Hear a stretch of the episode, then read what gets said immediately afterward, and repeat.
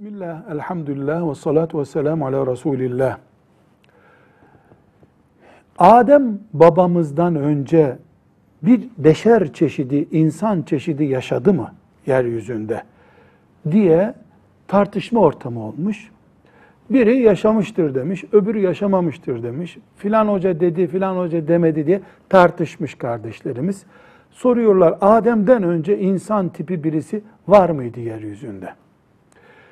Önce şunu bilmekte fayda var. Vardı veya yoktu, bildik ya da bilmedik. Dinimize, dindarlığımıza, ahiretimize, hatta dünya kültürümüze, ekonomimize bir faydası var mı bunun?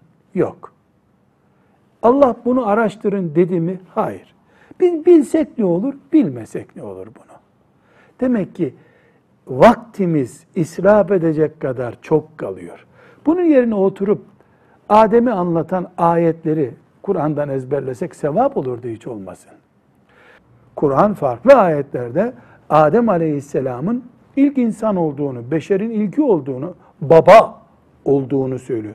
Ey Adem'in çocukları diyor insanlara.